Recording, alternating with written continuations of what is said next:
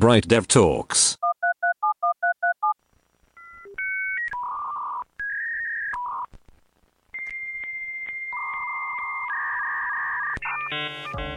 Dzień dobry drodzy słuchacze. Witam Was w ósmym odcinku podcastu Bright Dev Talks. Nazywam się Ula Stankiewicz i ostatnio mieliśmy okazję usłyszeć się przy okazji tematu bezpieczeństwa aplikacji. Na co dzień możecie mnie znaleźć zaangażowaną w tematy związane z budowaniem zespołu, feedbackiem oraz marketingiem. To, czego o mnie jeszcze nie wiecie, to fakt, że bardzo lubię rozmawiać z ludźmi. I tak się zdarza, że mam przyjemność rozmawiać z bardzo ciekawymi ludźmi. Taką osobę będę dzisiaj również gościć w podcaście. Z tą osobą poruszę też wiele tematów. Mam nadzieję, że wiele ciekawych tematów. Rozmawiamy o technicznej doskonałości, współpracy z biznesem, czy pułapkach w rozwoju, które mogą czekać zarówno na tych z Was, którzy karierę w programowaniu dopiero zaczynają, jak i na tych, którzy spędzili tu już dobrych kilka dekad. Porozmawiamy również o tańcu, tańcu z kodem, ale na taniec będziecie musieli poczekać aż do końca naszego odcinka.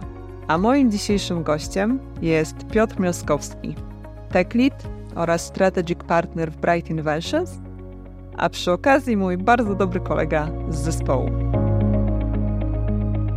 Witamy Was w ósmym odcinku podcastu Bright Dev Talks. Ja nazywam się Ula Stankiewicz e, i jestem HR Business Partnerką i Marketing Managerką. Rozmawialiśmy już ze sobą w ostatnim odcinku, e, kiedy poruszyliśmy temat bezpieczeństwa aplikacji. I dzisiaj mamy wyjątkowego gościa. E, tym gościem jest Piotr Miąskowski, mój bardzo dobry kolega, a jednocześnie też tech lead i strategic partner z Bright Inventions. Cześć Ula, witam wszystkich. Witam Piotrze, bardzo cieszę się, że znalazłeś czas, żeby nagrać ze mną ten e, dzisiejszy odcinek e, i będę chciała z Tobą poruszyć na pewno kilka wartościowych kwestii. Wydaje mi się, że te kwestie mogą być wartościowe i dla osób mniej doświadczonych i bardziej doświadczonych, e, które spędziły już w IT kilka dekad, albo przynajmniej kilkanaście, albo kilka lat.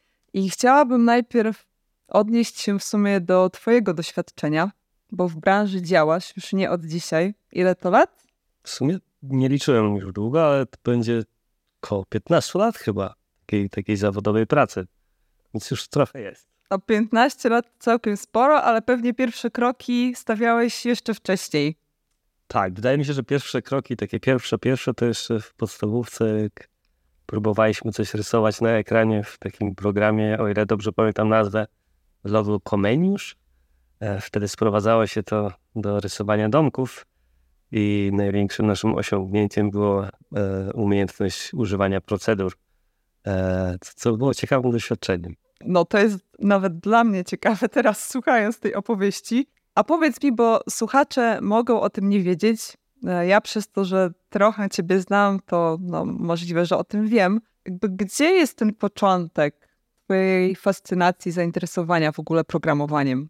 Myślę, że rzeczywiście najpierw zainteresowałem się tym e, budując domki w tym języku Logo Comeniusz, ale potem w liceum e, mieliśmy takiego bardzo dobrego nauczyciela, e, który w być może dość kontrowersyjny sposób zachęcał nas do nauki algorytmiki głównie, ale to też wiązało się z implementacją tych algorytmów wtedy w języku Turbo Pascal. E, jak ktoś e, miał trochę więcej zacięcia, to, to też próbował to robić w C. Ja w tej algorytmice żadnych większych sukcesów nie odnosiłem, ale samo to podejście do rozwiązywania jakichś problemów obliczeniowych przy użyciu komputera e, mnie zainteresowało mm, i samo programowanie mnie wtedy bardzo zainteresowało. Do tego stopnia, że jakieś dziwne, małe programiki starałem się pisać i uruchamiać w domu na komputerze. E, to były takie programiki, które nawet nie miały interfejsu użytkownika i raczej okay. takim hobbystycznym, e, geekowym e, eksplorowaniem tego, co, co można zrobić wtedy w Windowsie 9.8 pewnie, czy 9.5, nie pamiętam już dokładnie. Tutaj użyłeś słowa kontrowersyjne metody. Nie wiem, czy chcesz o tym rozmawiać, ale to może też zaciekawić naszych słuchaczy. Pan, pan profesor e, Szubartowski miał takie przez wielu rodziców uważane za kontrowersyjne metody, ale mm, od strony wyników e, nauczania te metody się broniły i do tej pory się bronią, e, bo z tego co pamiętam, e, można by to przyrównać do takiej metody głębokiego zanurzenia, bo chyba na pierwszej lub drugich zajęciach z informatyki otrzymaliśmy jako zadanie rozwiązywanie jakiegoś problemu, który był z chyba drugiego etapu olimpiady informatycznej, co już samo w sobie było nie lada wyzwaniem dla osób, które pierwszy raz się z czymś takim spotykały. Mm, do tego mieliśmy to rozwiązać, to znaczy to rozwiązanie zapisać na kartce.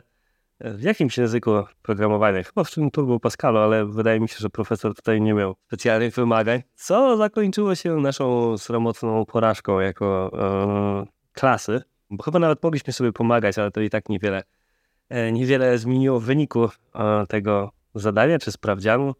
W każdym razie posypały się jedynki i później sporo niezadowolenia to powodowało. Żeby to złagodzić, to nadmienię, że chyba w trzeciej klasie liceum to już rysowaliśmy trójkąty na konsoli, żeby nie było tak trudno. Ale to, to pamiętam, że wtedy to sporo osób wderzyło się w taki być może trochę brutalny sposób z programowaniem, ale też sporo osób się tym zainteresowało. Zobaczyło, że to samo programowanie nie jest takie trudne, to te algorytmy tam rzeczywiście sprawiały nam więcej problemów, przynajmniej w takim ujęciu, e, jakim wtedy się tym zajmowaliśmy, czyli nasze programy te mieściły się z reguły na, na, na jednej stronie, czy na jednym ekranie.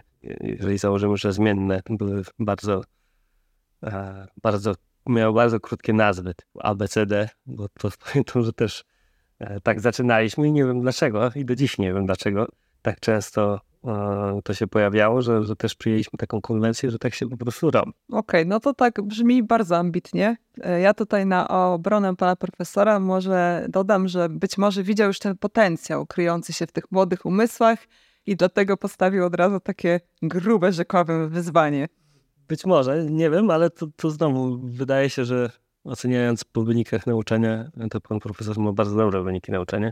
E, pomimo, że ta metoda może powodować jakiś tam, jakąś tam dozę stresu e, wynikającą z takiego głębokiego zanurzenia. No ale to e, ja tutaj ufam profesorowi i jego wiele. No, no, no, ja również, zdecydowanie. A z ciekawości takie pytanie, e, czy na przykład wiesz, ile osób faktycznie z twojej ówczesnej klasy poszło tą ścieżką e, programistyczną? To jest bardzo dobre pytanie. Wiem na pewno, że co najmniej cztery osoby się tym zajmują do dziś. E, ale wydaje mi się, że więcej osób zaczęło się tym zajmować, tylko po prostu nie wiem, ile osób później przetrwało te pierwsze lata na studiach, które też jakby odsiewają, brzydko mówiąc, trochę osób i być może niesłusznie, bo odsiewają z reguły z jakichś przedmiotów typu fizyka, czy matematyka stosowana, czy, czy, czy, czy, tego typu rzeczy, nie związane znowu w taki prosty sposób z tym, czym się na dzień zajmujemy w pracy programistów, inżynierów. To, jest bardziej te przedmioty typu matematyka i fizyka w kontekście studiów pod kierunkiem informatyka, one się bardziej przydają w takiej pracy uczelnianej, wydaje mi się, albo w bardzo wąskim w bardzo wąskim gronie, czy w bardzo wąskim rejonie biznesowym, gdzie, gdzie ta wiedza z domeny biznesowej związanej z fizyką na przykład jest potrzebna, ale nawet tam wydaje mi się, że takie podstawy, jakich się uczyliśmy i, i jakie były trudne dla nas wtedy fizyki, to się nie przydają za często. Okej, okay, get it. To teraz mam idealne pytanie.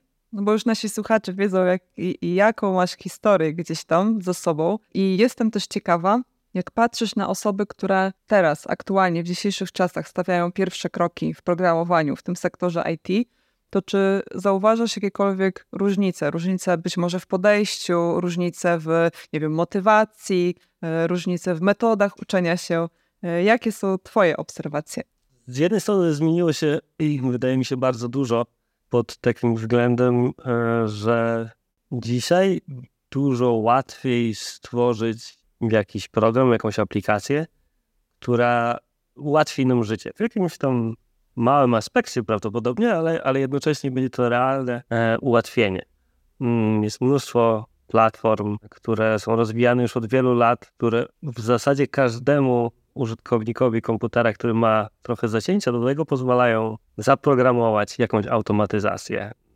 Na przykład, że jeżeli przyjdzie do nas wiadomość z jakiegoś adresu e-mail, to chcemy dostać SMS-a, bo nie wiem, bo za rzadko zaglądamy na naszą skrzynkę mailową, to w zasadzie każdy może coś takiego, e, można powiedzieć, zaprogramować, bo tutaj myślę, że różnica w tym, co jest programowaniem, a co nie, jest bardzo płynna.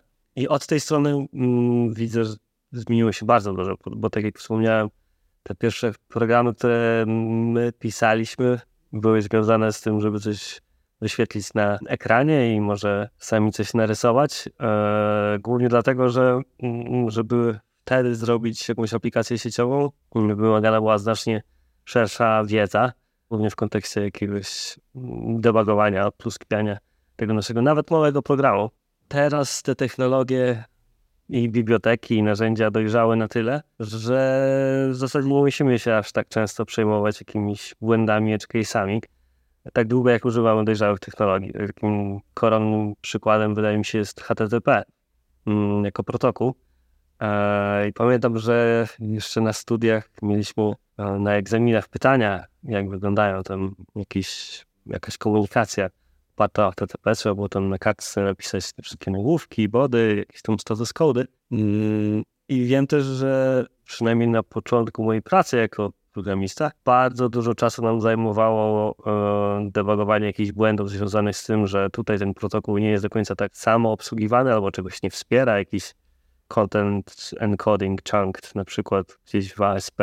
Jakieś dziwaczne, mocno techniczne aspekty, których nie widziałem już jako problem od od, od dobrych kilku lat. I też na naszych rozmowach rekrutacyjnych trochę odchodzimy w ogóle na przykład od, od pytania w ogóle o jakieś są szczegóły związane z protokołem HTTP, no bo zwyczajnie okazuje się, że to już nie jest tak przydatna wiedza, bo, bo tych błędów aż tak wiele nie ma i nie trzeba aż tak głęboko schodzić. Mm, I pod tym względem myślę, że bardzo dużo się zmieniło. Ten, ten poziom abstrakcji nad którym pracujemy, jest dużo, dużo wyżej i to też przekłada się, przynajmniej tak powinno być, przekłada się często na e, zwiększoną produktywność. No i też dostęp do wiedzy jest dużo, dużo większy. Kiedy my zaczynaliśmy, to nie było Stack Overflow. Tego materiału tak e, w ogólnym ujęciu nie było aż tak wiele. Trochę więcej trzeba było czytać książek technicznych, żeby się czegoś dowiedzieć, czy przeczytać, przeczytać jakąś dokumentację i, i dobrze coś zrozumieć. E, takie czasami mam wrażenie, w dzisiejszych czasach wydawałoby się oczywiste rzeczy, typu żeby zajrzeć do jakiegoś kodu źródłowego, jakiejś biblioteki, czy zobaczyć jak coś jest zaimplementowane. Wtedy to ocierało się o jakiś hacking, bo trzeba było debugować, jakimiś, e, deassemblerować e, jakieś biblioteki e, narzędziami znalezionymi w sieci to to często nie było proste, ani nie przynosiło jakichś wyników od razu, mm, więc pod tym względem to jest naprawdę przepaść. Porównując to, co wtedy trzeba było robić, do tego, co teraz trzeba robić. Ale to jest czasami, mam wrażenie, też trochę powierzchowne spojrzenie, bo z jednej strony te narzędzia dojrzałe e, i są dużo bardziej e, pomocne w jakimś rozwiązywaniu problemów, ale z drugiej strony ilość tych technologii, ilość tych narzędzi e, urosła. Jak, sobie porównywać to, jak kiedyś mm, wyglądała strona zrobiona w HTML, JavaScriptie i CSS-ie, do tego, jak teraz wygląda budowanie tych stron, to to jest po prostu przepaść. I czasami ja i niektórzy tęsknią trochę za, za, za tym, tym czasami, gdzie kawałek JavaScriptu się tutaj napisało i, e, i, nie trzeba było żadnych dodatkowych narzędzi, ale to tylko dlatego, że, e, że, że pewnie nie mamy jakichś tam swoich ulubionych, takich, które byśmy znali na, wy, na wylot, E, i po prostu z zamkniętymi oczami mogli ich używać. Mm, więc od tej strony wydaje mi się, że e, te, ten skok wydajnościowy, który nam przyniosły dojrzałe technologie, jest trochę przykryty przez to, że tych technologii jest dużo, dużo więcej i nie sposób nauczyć się wszystkich, więc musimy gdzieś tam e, ten nasz zakres wiedzy ograniczyć. No i wtedy, jak napotkamy jakąś inną technologię, to, to znowu jesteśmy gdzieś tam na początku i trzeba się jej w miarę szybko nauczyć, e, łącznie z, rozwiązywaniem problemów. E, więc od tej strony to myślę, że e, wcale aż tak dużo się nie zmieniło. Okej. Okay. Z, z jednej strony, tak słuchając siebie, pomyślałam o tym, że trochę taka inna era programowania to była. Szczególnie tak może to brzmieć dla naszych y, młodszych słuchaczy i ko kolegów i koleżanek. Ten próg wejścia z kolei wydaje się, że jest jednak trochę niższy. Na pewno jest większa diversity, więc pewnie trudniej może podjąć y, decyzję, y, z czego skorzystać, w jakim kierunku pójść, co zrobić, bo skoro jest tak dużo opcji, to to, to też staje się w pewnym momencie problemem, albo może stać się problemem. A gdybyś miał na przykład, y, już teraz trochę tak dopełniając ten temat, Gdybyś miał wskazać e, takie trzy must haves dla takich osób, które gdzieś tam tą przygodę, przygodę zaczynają, takie must haves pod kątem źródeł, być może materiałów, to co byś wskazał? Bo wcześniej pojawiały się właśnie książki, dokumentacja, też w sumie ograniczone były te zasoby, a teraz tych zasobów mamy bardzo dużo. Więc moje pytanie brzmi, co byś wybrał? Takie trochę trudne pytanie, bo tylko trzy, trzy opcje. Trudno i, i będę tutaj y, bardzo subiektywny, wydaje mi się, bo mocno to jest zależne od tego, jak ktoś lubi się uczyć, bo do tego się y, większość y, programowania, mam wrażenie, sprowadza, żeby się czegoś tam nauczyć o jakiejś bibliotece, o jakimś sposobie kodowania, o, jakimś, o jakiejś architekturze danego komponentu czy systemu. Ale z mojej perspektywy to, co wydaje mi się jest nieocenione, to znaleźć projekt lub projekty na GitHubie, które są popularne, są rozwijane przez dłuższy czas i spróbować mocno się wgryźć w to, jak te e, projekty są zaimplementowane, e, co one tam robią, jak wygląda ich architektura i nie tylko w takim sensie, żeby zrozumieć, co ten program robi, ale ja sobie na przykład często zadaję pytanie, jak coś takiego robię, to znaczy analizuję, jak tam jakiś kod e, został e, skonstruowany, to pytam, dlaczego w ten sposób, a nie inny ktoś to zrobił. E, to nie jest proste, żeby sobie odpowiedzieć na to pytanie. Czasami nie znajdziemy tej odpowiedzi, czasami można zapytać autorów i wtedy oni wskażą, co tam się właściwie zadziało, że oni w ten, a nie inny sposób podeszli do, do rozwiązania problemów. I to daje też taką perspektywę mm, na to, co często nam jako programistom się wydaje jako najlepsze rozwiązanie, e, bo, bo to, że coś nam się wydaje często w danej chwili najlepszym rozwiązaniem wcale nie znaczy, że e, gdzieś tam 2 czy 3 lata temu tak było. Nie? E, I, I, niestety o tym często zapominamy. Więc to jest jedna rzecz. Znaleźć sobie jakiś projekt na GitHubie czy, czy na jakimś innym prowajderze, który najlepiej, który lubimy, który używamy, ale to nie musi być taki, tylko taki, który był rzeczywiście używany i miał miał, jakieś, miał jakąś historię ze sobą, bo wtedy e, dopiero wychodzą takie ładne mm, kwiatki i, i się w niego wgryźć. Mm, druga rzecz to wydaje mi się, że cały czas dla mnie, subiektywnie, taką nieocenianą, nieocenianym źródłem wiedzy czy, czy, czy, czy nowych informacji y, są książki i tutaj nie będę żadnych konkretnych polecał, ale wydaje mi się, że jak wyjdziemy na jakiś popularny serwis z książkami, który przypadkowo zajmuje się też e, cloudem i, i poszukamy sobie po prostu po recenzjach w naszej kategorii, to w ciągu pięciu ostatnich lat, dajmy na to, to znajdziemy to, co rzeczywiście warto przeczytać. I będzie tego oczywiście za dużo, więc trzeba to jakoś zawęzić, ale wydaje mi się, że cały czas w książkach jest bardzo dużo analiz, które nam jako czytelnikom się pomagają w, właśnie w tym rejonie rozwinięć, to znaczy w kontekście analizy. To jest dużo trudniejsze, jeżeli bazujemy na skądinąd świetnych też blogpostach czy, czy artykułach, e, bo tam natury ich mniejszego formatu tej analizy jest mniej. Więc tej analizy się aż tak dobrze nie nauczymy, bo autor nie jest w stanie tych wszystkich swoich przemyśleń gdzieś tam e, zawrzeć. No i trzecia rzecz, którą ostatnio zacząłem e, robić, to próbować czytać mm, white papers odnośnie jakichś e, rozwiązań, które są często przedstawiane przez, e, przez większe firmy. Tylko tutaj trzeba do tego mocno podchodzić z takim e, dystansem, e, żeby nie popaść w taką pułapkę, że jeżeli coś tam działało we firmie, która zatrudnia 10 tysięcy osób, e, to na pewno tutaj to też jest potrzebne nam w firmie, która ma 1000 osób, czy nawet 100 osób. Bo często jest tak, że po pierwsze w tych, zwłaszcza prezentacjach na jakichś konferencjach, nie dowiemy się tych brudnych szczegółów, które nie brzmią tak dobrze. Mm, znaczy dowiemy się, jak się spytamy często mm, prezenterów, to nam powiedzą, jak się sprawy mają w takiej rzeczywistości, rzeczywistości. I wtedy można trochę ochłonąć z inicjalnym entuzjazmem, przynajmniej tak z mojego doświadczenia. E, ale w tych technicznych mm, rozwiązaniach też mm, często brakuje dużej historii, jak ten zespół do tego rozwiązania doszedł i przez to czasami kontekst umyka.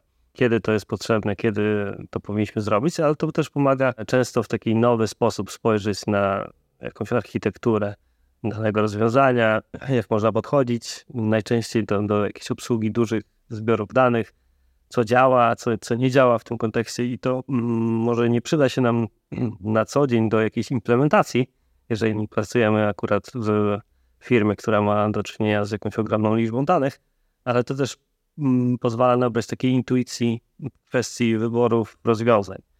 E, czy w ogóle powinniśmy iść tutaj w stronę jakiejś kawki, czy wystarczy nam SQS, e, czy powinniśmy się tutaj zastanawiać nad jakimś Istio w kontekście e, Service Mesha, czy, czy wystarczy nam e, tracing i nie będziemy musieli się za bardzo bawić. To taką intuicję jesteśmy w stanie sobie wyrobić przez to często dużo czasu zaoszczędzić na, na, na walkę z narzędziem, które nie jest dostosowane do, danej, do danego problemu. Okej, okay, super.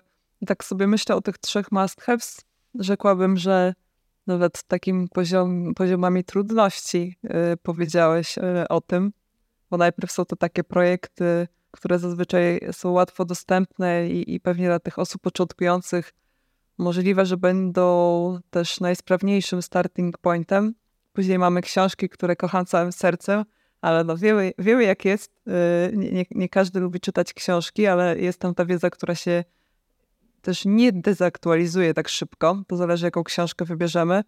E, I tak myślę o tym trzecim must have, że to też e, jest trochę wyzwanie, żeby móc spojrzeć e, trochę takim krytycznym okiem na te white papers, żeby się nie zafascynować za mocno.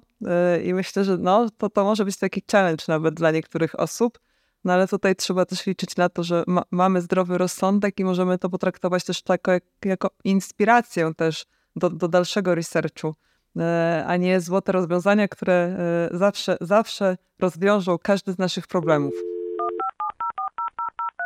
Super, Piotrze. To teraz chciałabym trochę odwrócić to pytanie, bo rozmawialiśmy o tych osobach bardziej początkujących e, i o takich wyzwaniach, które się zmieniły na przestrzeni ostatnich lat pod kątem wejścia w sektor IT i bardziej w tą ścieżkę programistyczną. Natomiast teraz chciałabym się skupić bardziej już na tych osobach bardziej doświadczonych, bo nie ma co ukrywać, że w codziennej pracy również współpracujesz nad projektami z osobami, którego doświadczenia mają całkiem sporo. E, I ja też jestem ciekawa, jakie wyzwania takie osoby mogą mieć największe z Twojej perspektywy, czyli największe wyzwania w dalszym rozwoju dla osób, które już tego doświadczenia programistycznego mają trochę na swoich barkach. Jakie to są wyzwania? Znaczy, wydaje mi się, że z takich e, technicznych aspektów to trochę może to być e, taka, jak to dobrze nazwać, taka siła, żeby ograniczyć wewnętrzną potrzebę dla własnych rozwiązań dla problemu, który już był tam rozwiązany ileś, naście czy dziesiąt razy. I tutaj to się może objawiać w różnoraki sposób a czasami jakimiś nadużywanymi wzorcami projektowymi stosowanymi w, w, w danym codebase, a czasami jakimiś być może zbyt skomplikowanymi architekturami. E, I niestety jest to bardzo trudne w takiej obiektywnej ocenie. Ja popełniłem sporo takich błędów, e, gdzie nie podobało mi się na przykład, jak działał dany framework, czy, czy, czy dane, dane podejście do rozwiązywania problemu w, w jakimś frameworku i pisałem własne rozwiązania do tego. I to wcale nie był problem w tym, że te własne rozwiązania nie były tak dojrzałe, e, jak te rozwiązania z frameworka, bo to oczywiście tam można było bez końca poprawiać, e, tylko problem pojawił się na przykład, gdy mm, osoby w zespole zaczęły się rotować, bo się okazywało, że teraz to nie jest tak, że przyjdzie ktoś z ulicy i kto ma dużo doświadczenie skądinąd e, i potrafi mm, szybko się odnaleźć w tym tylko się okazuje, że teraz on się będzie musiał, czy ona się będzie musiała nauczyć tego, co ja tam wymyśliłem. E, I pomijając już aspekty jakieś tam jakościowe tego, co ja tam e, mogłem zrobić w, w, w danym czasie, mm, to to jest kłopot. Jest kłopot w takim brutalnym kontekście przenoszenia ludzi, programistów, QA pomiędzy projektami I, i, wydaje mi się, że tutaj na tym produktywność może cierpieć, e, zwłaszcza biorąc pod uwagę to, że e, wydaje mi się, no, ale nie mam żadnych danych, żeby to poprzeć. Poszukamy danych. Tak, bardzo dużo, znaczy większość, bym powiedział, programistów jednak woli zmieniać projekt, co tam na przykład dwa lata, Wydaje mi się, że to, to, to powoduje, że jeżeli w danym projekcie jest jakieś customowe rozwiązanie, którego w innym nie będzie, to tutaj tracimy ten czas związany z nauką tego i utrzymywaniem. To, to wydaje mi się jest jeden taki aspekt, ja przynajmniej mnóstwo takich e, błędów popełniłem. Druga rzecz to trochę jest znów unikanie zbyt skomplikowanych e, rozwiązań w kontekście jakiejś architektury oprogramowania, e, ale tu, tu, tu ja się zgadzam, że to jest bardzo mm, trudne i bardzo płynne, bo z jednej strony mnóstwo materiałów i książek, postów, artykułów, które mówią, że, że tak można zrobić, to przynosi nam takie a takie korzyści, rozwiązując jakieś problemy, które się w, tam, w kontekście tamtych zespołów, które to opisywały, na pewno pojawiły. Mm, no i my, chcąc unikać tych problemów, możemy się starać implementować jeszcze zanim te problemy u nas się zaczną pojawiać, jakieś rozwiązania. E, one są też ciekawe, rozwijające, my się przy tym uczymy. E, I czasami to wychodzi nam na plus i, i, wszystko jest dobrze, bo akurat się zdarzy tak, że ten kontekst nam się nałoży, ale może być też tak, że, że wcale tak nie będzie. I, i wtedy płacimy, albo klienci płacą za to, że coś zajmuje dużo więcej czasu niż powinno. Trudniejszy jest onboarding, bo jednak cała architektura jest bardziej skomplikowana, nie była. Więc od tej strony wydaje mi się, że nabranie takiego wyczucia jest bardzo istotne, żeby rzeczywiście to nasze doświadczenie wpływało na produktywność, żeby było tak, że my dzięki swojemu doświadczeniu jesteśmy w stanie wybierać rozwiązania, które poprawiają tą produktywność, e, bo gdzieś tam na koniec dnia mm, ona jest bardzo istotna. E, no i drugi taki aspekt, który jest może trochę mniej techniczny, ale... Trzeci będzie. Już trzeci. Okay. To jest trzeci aspekt, który będzie mniej techniczny. To jest nauka dekomponowania problemu na mniejsze e, w taki sposób, żebyśmy byli w stanie dostarczyć jakiś, jakiś inkrement wartości, nie koniecznie dostarczając wszystkie te elementy po podziale. I to wydaje mi się jest bardzo istotna, e, bardzo istotna umiejętność i nie tylko w kontekście programistów, tak naprawdę w kontekście powiedział a, jakiejś roli product ownera, czy tam nawet business ownera, to to jest bardzo istotne, no bo zawsze będą jakieś problemy, dla których istnieją rozwiązania idealne, albo nam się wydają idealne, tylko że osiągnięcie tych rozwiązań mm, zajmie nam rok. A w dzisiejszych czasach to często rok to jest o, o 12 razy za dużo, jeżeli nie więcej, e, żeby coś zwalidować, sprawdzić, żeby coś dostarczyć e, w mniejszym mm, zakresie. No i w kontekście takich rozwiązań, e, czy czystego programowania, to wydaje mi się, że to też pomaga mm, zarządzać własnym czasem, taka dekompozycja. Jesteśmy w stanie, w stanie dużo łatwiej wtedy ocenić, ile rzeczywiście nam zajmie przygotowanie jakiegoś rozwiązania, kiedy ktoś, kto oczekuje na to rozwiązanie, będzie mógł sobie coś tam zobaczyć, wprost zwalidować, czy to działa, a jednocześnie tutaj to, co jest w tym wszystkim najtrudniejsze, wydaje mi się, to takie dekomponowanie, żebyśmy później nie musieli czegoś robić drugi raz, e, czy, czy tam kilka razy, dlatego, że próbowaliśmy to, to, to rozbić. I, I, to jest trudne, ale bardzo często się da e, jakoś podzielić. To, to, to nasze docelowe rozwiązanie na takie kawałki, e, gdzie będziemy w stanie dostarczać coś dużo, dużo szybciej niż e, ta, ta końcówka, do której dążymy. Ja to często mówię, że musimy sobie tą gwiazdę polarną e, wyznaczyć, i w tamtą stronę zmierzać i, i nie, zapominać, nie zapominać o niej, podejmując jakieś tam malutkie kroki, żeby się tam do niej zbliżać, e, ale oczekiwanie często e, takie, że, że w jednym kroku tam przejdziemy, no jest nierealne, nie? Się nie wydarzy. No, myślę, że zdecydowanie. E, clue jest chyba dosyć istotne, żeby do niej zmierzać, tak jak powiedziałeś, żeby faktycznie ten progres bar się gdzieś tam poruszał. E, teraz tak sobie myślę o tych aspektach, które wymieniłeś.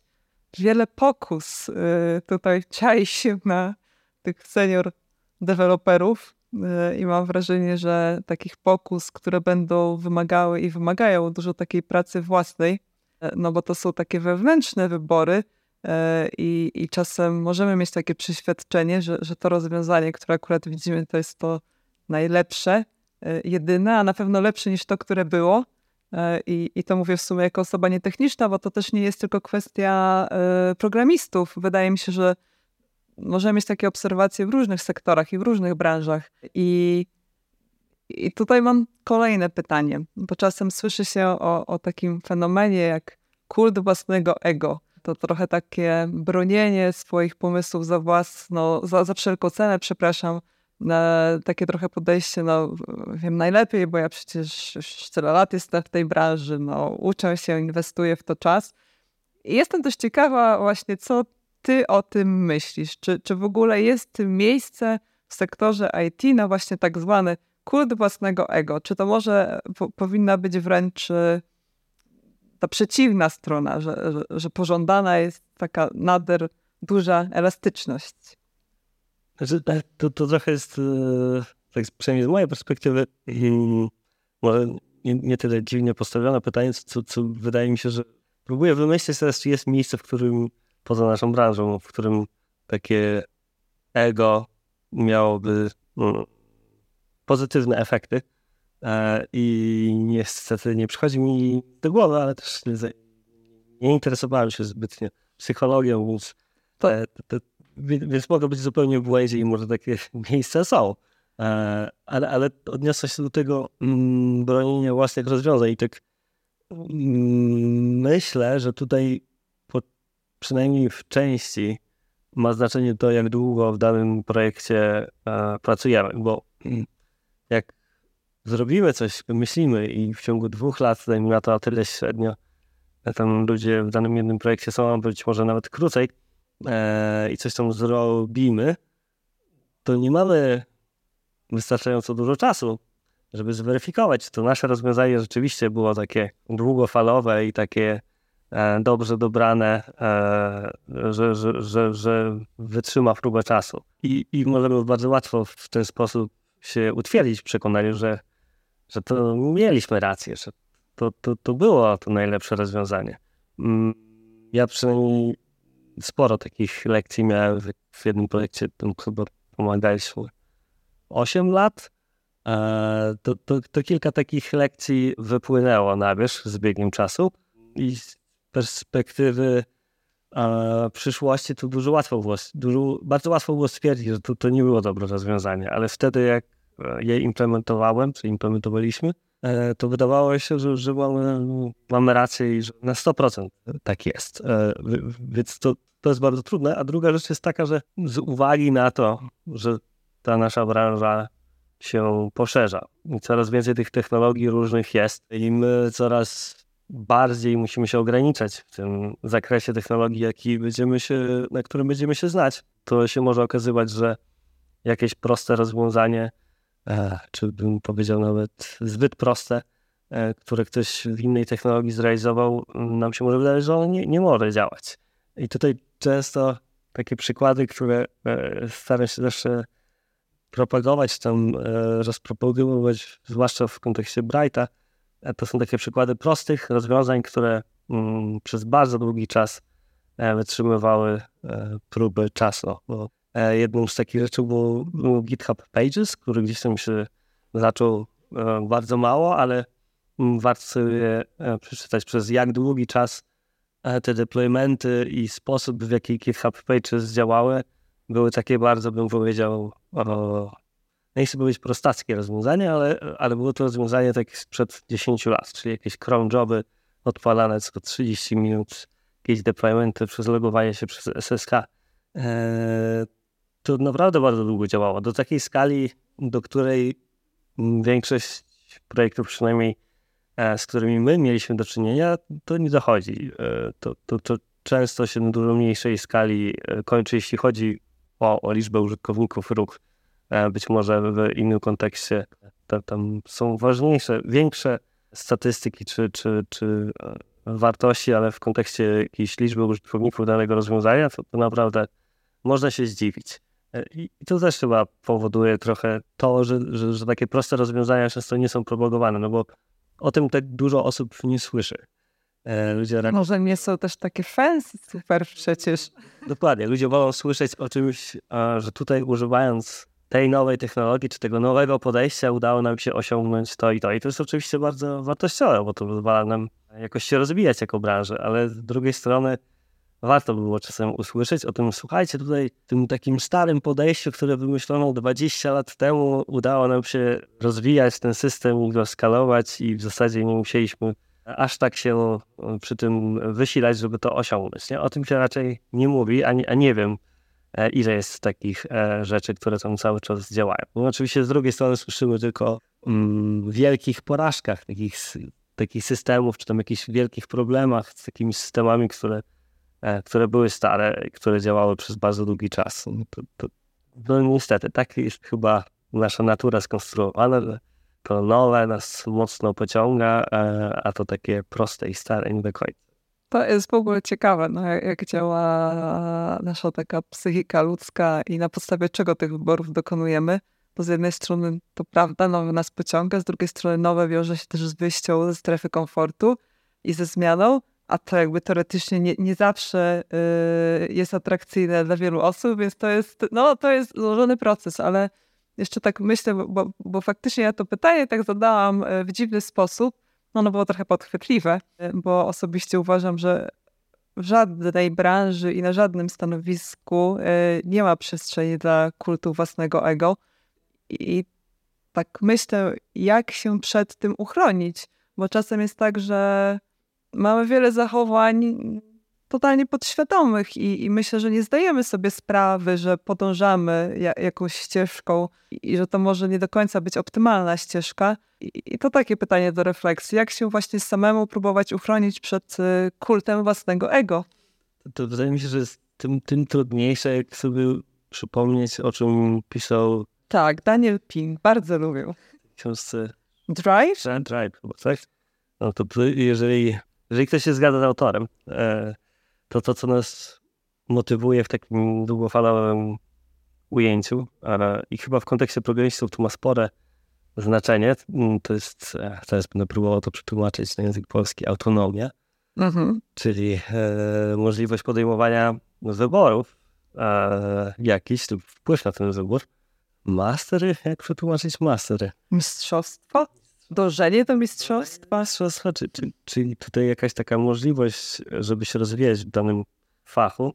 No i cel. E, I ten cel mm, jest, wydaje mi się, dużo łatwiej przybliżyć albo mieć go w, w tym samym kierunku, w którym mamy cel biznesowy, tak żeby one się zgrywały.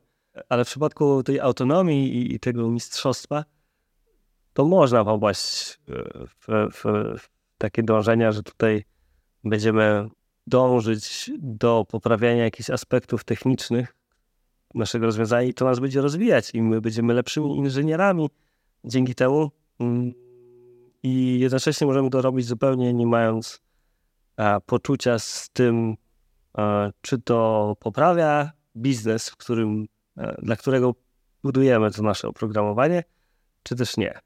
I, i, I to jest, wydaje mi się, bardzo trudne, ale jednocześnie można by spróbować taki reality check wprowadzać, yy, bazując na jakichś metrykach, które coraz łatwiej nam zbierać. Na, na przykład, jeżeli tam w jakimś ujęciu kilku miesięcy czy kwartału spojrzymy na jakieś, nie wiem, błędy e, i okazuje się, że tutaj wdrażaliśmy przez jakiś czas nasze nowe e, podejście, e, którym się bardzo zafascynowaliśmy się w nim rozwinęliśmy, to warto zrobić takie sprawdzenie. Ok, wdrażaliśmy to, to teraz czy te metryki biznesowe lub, lub nawet takie półbiznesowe, które skądinąd wiemy, że mm, w ogólnym ujęciu poprawiają te właściwe metryki biznesowe, czy one się poprawiły? Jeżeli się nie poprawiły, to czy to może być spowodowane tym, że my skupiliśmy się tutaj za bardzo na tej technicznej części, e, a za mało na tej biznesowej? A to jest zdecydowanie trudne. No to jest też temat rzeka. Myślę, że kolejny odcinek o tym możemy nagrać. Teraz tak jeszcze myślę o tobie, Piotrze, że mam wrażenie, ale to bazuje na tym odcinku czasu, kiedy cię znam, bo nie, nie wiem, jaka jest taka pełna twoja historia, że ty nie wpadłeś w tą pułapkę tego kultu własnego ego, albo się jakoś wybroniłeś. Pewnie nie rozszyfrujemy tego dzisiaj, yy, jak ci się udało, Natomiast może to jest właśnie temat na kolejny odcinek, także nie, nie, będę tego drążyć, chyba że chcesz coś jeszcze dodać. Nie, rzeczywiście to, to jest bardzo taki grząski z jednej strony temat, e, z drugiej bardzo głęboki i chyba nie ma tutaj jednej dobrej odpowiedzi. E, jedyne co z mojej perspektywy mogę powiedzieć to, że miałem szczęście e, pracować w projektach, w których ta strona biznesowa nawet nie tyle była mocno techniczna, co pomimo jakiegoś takiego wizjonerskiego podejścia, często potrafiła e, tą swoją wizję przekładać na takie realne elementy, które zbudujemy. Mm, I to mu pozwoliło się e, sporo e, nauczyć, bo jeżeli my widzimy tylko te realne elementy, to nam się z kolei może wydawać, że przecież to jest takie krótkowzroczne i że jak zrobimy to takie, mm, jak się mówi, grant rozwiązanie, to będzie dużo lepiej. Mm, I zapominam o tym, że być może ten wizjoner, który nam tutaj przedstawia ten realny aspekt, e, już to przemyślał i już miał to w głowie już może próbował, albo z jakiegoś powodu tego nie chce zrobić, więc ja miałem takie szczęście w projektach takich pracować, w których takie osoby były. E, I miałem też okazję z nimi rozmawiać nie tylko o bieżących e, problemach, tylko też o takiej właśnie wizji. I wydaje mi się, że to mi osobiście sporo pomogło w unikaniu takich, e, takiego przeświadczenia, że ja tutaj wiem technicznie najlepiej, jak to zrobić dla biznesu, żeby było dobrze. Już pomijam te techniczne rzeczy, ale że to dla biznesu będzie najlepsze. No tutaj to często tak nie jest. No to tak nasuwa mi się jedno słowo, być może nie całkowicie trafne, ale empatia, jednak takie empatyzowanie z tym biznesem i wejście w buty tego biznesu, e, żeby zrozumieć te realne i prawdziwe potrzeby, a nie to, co się nam może wydawać taką potrzebą. Bo, bo myślę, że to też jest bardzo takie, taka tricky path, e, bo wiele rzeczy nam się wydaje, i to zresztą często nam się wydaje, E, a, a ta empatia się z kolei bardzo przydaje i myślę, że ta empatia też jest potrzebna w relacji biznes-programista i, i to nie tylko w tej relacji zresztą.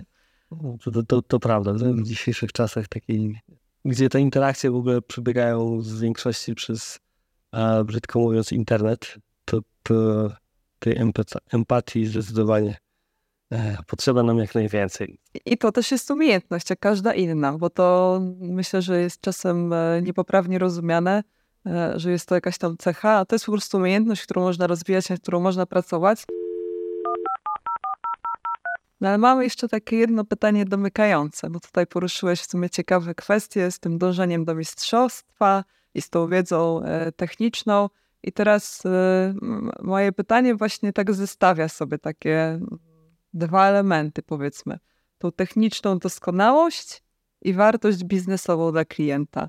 No, no i jak to wygląda? No, jak, jak jest ta waga? Tu wydaje mi się, że jest to właśnie największe wyzwanie dla, dla, dla osób, które już mają sporo doświadczenia.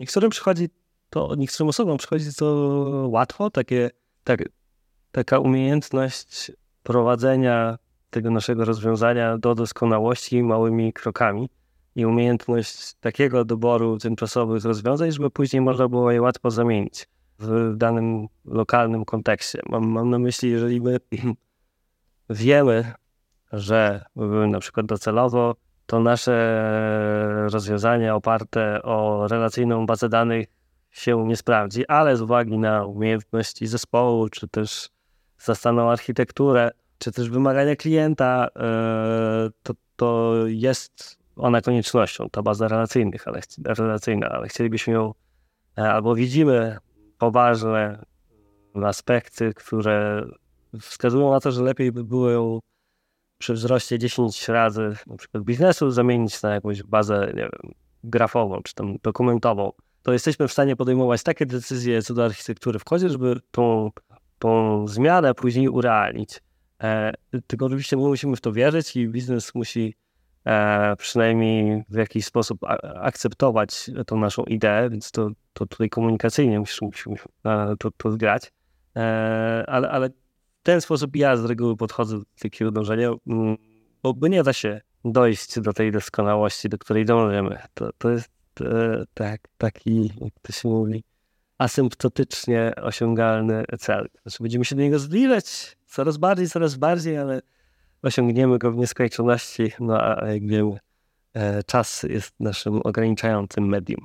E, więc wydaje mi się, że to jest właśnie ta, ten aspekt, ta umiejętność w, w programistach, architektach oprogramowania, mm, żeby umieć tak dobierać pośrednie kroki, żeby one nas zbliżały do tego e, rozwiązania docelowego, zbliżały nas mm, jak najszybciej, e, jak to jest możliwe, mm, ale jednocześnie pozwalały jakąś wartość e, osiągać. Tutaj taki mały disclaimer, że są wyjątki co do tego?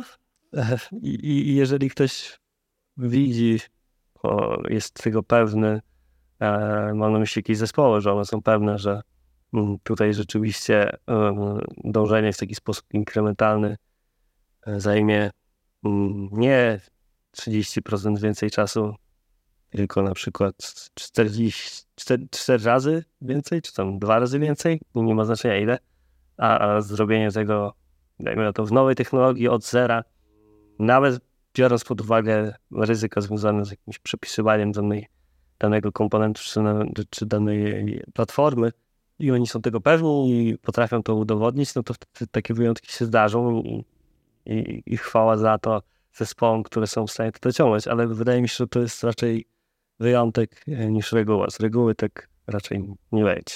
Okej, okay, to mam takie mini zdanie podsumowujące, bo powiedziałeś o tym dążeniu i że zbliżamy się do tej, możemy się zbliżać do tej technicznej doskonałości i być może nigdy to takie zbliżenie e, stuprocentowe nie nastąpi. Tak sobie pomyślałam, że zawsze warto w głowie też mieć mm, tą, tą drugą część, czyli od czego z kolei się oddalamy, zbliżając się do tej technicznej doskonałości. Albo wręcz rzekłabym, jak bardzo oddalamy się od wartości biznesowej, zbliżając się do technicznej doskonałości. To tylko takie bardzo proste pytanie, ale myślę, że ono może być w wielu sytuacjach pomocne, bo, bo czasem o tym mam wrażenie, że możemy zapominać. I mam ostatnie chyba pytanie, Piotrze. To takie pytanie, niektórzy stwierdzą, że mówiąc kolokwialnie, szczapy, ale to może być bardzo interesujące i w gruncie rzeczy e, trochę nawet nawiązujące, nawiązujące do, do, do, dzisiejszej rozmowy, bo u ciebie się gdzieś tam przewija takie fajne określenie man dancing with code e, i mi się ogólnie bardzo podoba ta nazwa stanowiska, ale moje pytanie brzmi, czym jest w takim razie taniec z kodem? To, to jest e, raczej bez jakiegoś ukrytego znaczenia, to co tam sobie pisałem z tego czasy, tylko ja, ja, ja, lubię oglądać filmy i był taki film, który przyznam szczerze, że nie wiem jak się nazywa po angielsku, ale po polsku nazywał się Tańczący z wilkami. Okay. E, z Kevinem Costnerem, który mi się bardzo podobał e, i jakoś ta, ta sylwetka, która w jakimś kadrze tego Kevina Costnera biegającego z tym swoim e, wilkiem utkwiła w głowie, mm, więc tak pomyślałem, że, że, że to, to mogłoby być fajna sylwetka. Gdyby zamiast tego wilka był też jakiś kot, że tak się poruszamy w nim e, lekko i współpracujemy, żeby coś tam e, osiągnąć w takiej harmonii. Tak, tak sobie o tym myślałem kiedyś, ale, ale tutaj nie ma żadnego ukrytego znaczenia, co, co właściwie przedstawia. To raczej analogia do tego tytułu filmu ale analogia z, z double meaning rzekłabym, bo teraz można właśnie to w fajny, ciekawy sposób zinterpretować, ten taniec z kodem. E, tańcząc też musimy być elastyczni, musimy, e, może nie musimy, ale pewnie dążymy do jakiejś doskonałości. E, ja myślę, że tu moglibyśmy się doszukać wielu, wielu takich cech wspólnych. Można, ale to też to jest obusieczny miecz trochę, nie? bo w tym filmie przynajmniej ten główny bohater bardzo się zaprzyjaźnił z tym wilkiem. E, i... Z kodem też się można zaprzyjaźnić, no ale teraz... nawet za bardzo. Był problem, który chciałem powiedzieć, że, że e, on tam walczył o tego wilka i teraz nie pamiętam nawet, przyznam szczerze, czy ten wilk przeżył, czy nie, ale strzelali do niego. E, e, no, my powinniśmy raczej traktować ten nawet nasz kod dopieszczony, e, którym w płocie czoła pracowaliśmy, jako coś ulotnego, jak, jak kartka papieru, która gdzieś tam z drukarki jest wyciągana, to, to nie ma większego e, znaczenia, e, tak brzydko mówiąc. Ważniejsze jest to, czego się nauczyliśmy i co dostarczyliśmy biznesowi e, w ten czy inny sposób, nie tworząc tego kodu, ale sam ten kod to jest tylko e, jakiś środek, żeby do jakiegoś celu dojść. I myślę, Piotrze, że to jest naprawdę piękne podsumowanie tego dzisiejszego spotkania. Także bardzo dziękuję Ci za rozmowę. E, mam nadzieję, że do usłyszenia. Kilka tematów nowych nam powstało, także będzie materiał na kolejne spotkania. Dzięki jeszcze raz. Dzięki, Wladzik. Temat rozwoju, empatii, czy właśnie pracy ze własnym ego, to tak jak wspomniałam w trakcie rozmowy z Piotrem, temat rzeka. I dzisiaj tak naprawdę zahaczyliśmy wyłącznie o kilka wątków. Mam jednak nadzieję, że ta rozmowa okazała się ciekawa e, i przede wszystkim pozostawiła każdemu z Was kilka wartościowych myśli do dalszej refleksji. Serdecznie dziękuję za aktywne słuchanie i mam wielką nadzieję do usłyszenia niebawem. Pozdrawiam Was ciepło, do usłyszenia we wrześniu. Trzymajcie się.